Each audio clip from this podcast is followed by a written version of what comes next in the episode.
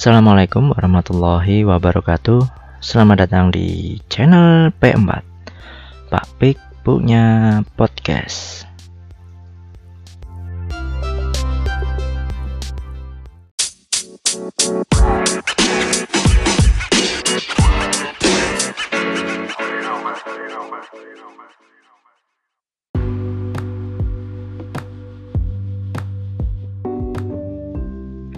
Masih di P4, Pak Pik punya podcast. Kali ini saya akan menyampaikan tema Hidup Rukun di Rumah episode 1. Kita hidup bersama keluarga di rumah. Kita hidup rukun dengan anggota keluarga. Suasana rumah akan terasa nyaman. Seperti halnya pada keluarga Inu. Siapa saja keluarga inti pada keluarganya Inu? Yuk kita simak. Keluarga Inu terdiri dari empat anggota keluarga. Ayah Inu bernama Pak Muas, Ibu Inu bernama Ibu Loli, adik Inu bernama Arin, mereka tinggal di rumah yang cukup besar. Di rumah itu ada juga kerabat Inu. Kerabat Inu yaitu kakek, nenek, dan Om Ben. Kakek, nenek, dan Om Ben juga anggota keluarga. Semua tinggal dan hidup dengan rukun. Nah, jadi ada yang namanya keluarga inti, ada pula kerabat. Yang disebut dengan keluarga inti itu adalah ayah, ibu, dan anak. Sedangkan kerabat itu di luar keluarga inti. Bisa kakek, nenek, om, tante, keponakan. Kalau tadi Ino dan Arin mempunyai ayah dan ibu yang bernama Pak Muas dan Ibu Loli. Ternyata Pak Muas punya saudara namanya Tante Mutia. Pak Muas dan Tante Mutia juga mempunyai ayah dan ibu namanya Kakek Kismo dan Nenek Hanum. Demikian juga Ibu Loli. Ibu Loli, ibunya Ino dan Arin ini mempunyai dua saudara. Satu perempuan, satu laki-laki. Ibu Loli mempunyai saudara perempuan yang bernama Tante Isti dan mempunyai saudara laki-laki yang bernama Om Ben. Ibu Loli, Tante Isti, dan Om Ben juga mempunyai orang tua loh. Mereka adalah kakek Didu dan nenek Bina. Nah, berarti Ino dan Arin mempunyai kakek dan nenek. Kakeknya Ino bernama kakek Kismo dan juga kakek Didu. Sedangkan neneknya Inu bernama Nenek Hanum dan Nenek Bina. Tentunya kalian bisa ya mengetahui silsilah keluarga kalau kalian membutuhkan informasi bisa tanya kepada orang tuamu untuk mengetahui silsilah keluargamu.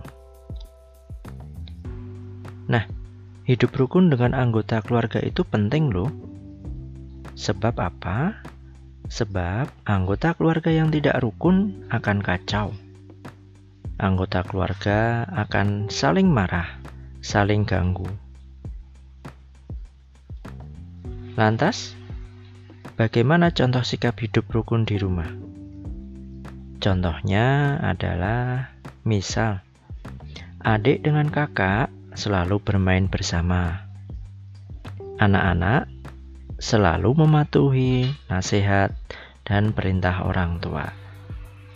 Jika itu dilaksanakan, jika itu terjadi di rumah, maka keadaan di rumah pun akan menjadi rukun, nyaman, tidak akan kacau.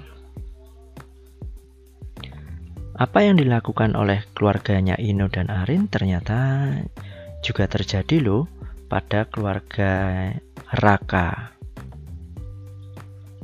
Suatu ketika, keluarga Raka pergi piknik. Raka dan adiknya asik bermain bersama.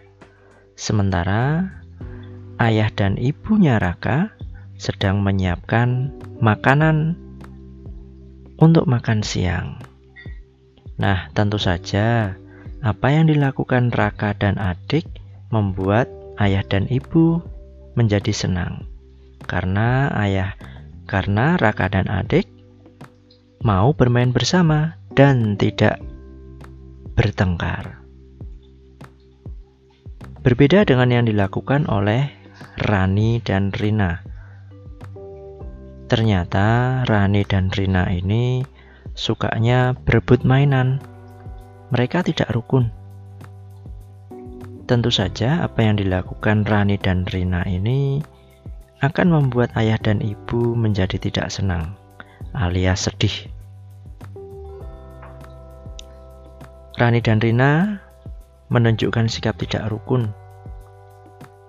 Ibu mereka sering menasehati Rani dan Rina dan Rani dan Rina pun kemudian saling meminta maaf. Bagaimana kalimat permintaan maaf? Contohnya seperti ini. Ini Rani yang minta maaf kepada Rina. Rina, maafkan aku ya. Aku tidak aku tadi tidak mau bermain bersama denganmu. Yuk, sekarang kita main bersama. Rina pun menjawab, Iya Rani, aku juga minta maaf. Aku tadi juga memaksamu untuk bermain bersama, memaksamu untuk bermain sendiri. Nah, yuk kita sekarang bermain bersama. Nah, akhirnya Rani dan Rina pun hidup rukun. Kembali kepada Ino dan Arin. Mereka, adik dan kakak hidup rukun. Arin sering membantu Ino, termasuk ketika Ino merapikan buku-bukunya. Ino menumpuk buku dengan rapi dibantu dengan Arin. Nah, kalau bekerja sama, hidup rukun, maka sekali lagi hidup pun akan terasa nyaman.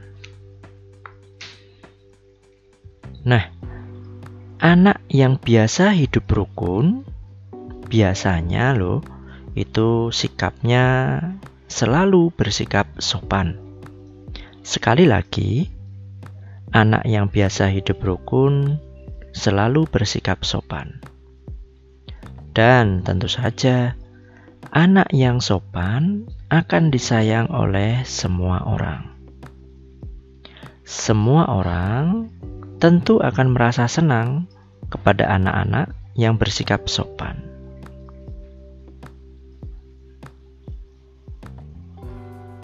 Coba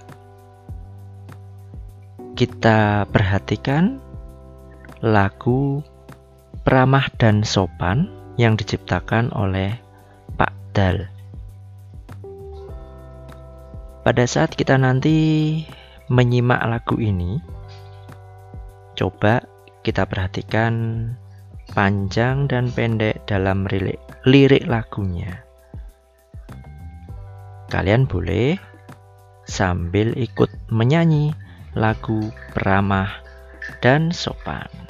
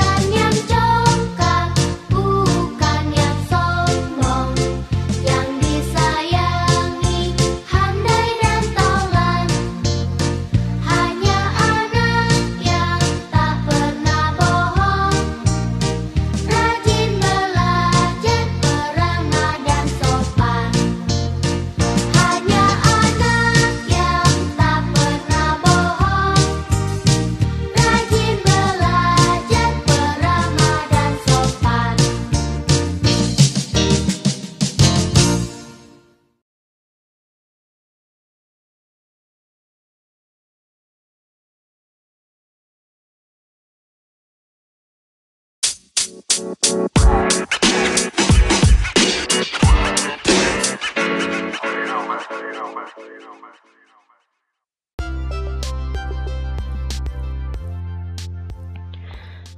demikian tadi paparan dari P4, Pak Pik punya podcast. Semoga bermanfaat. Berjumpa kembali pada episode berikutnya. Wassalamualaikum warahmatullahi wabarakatuh.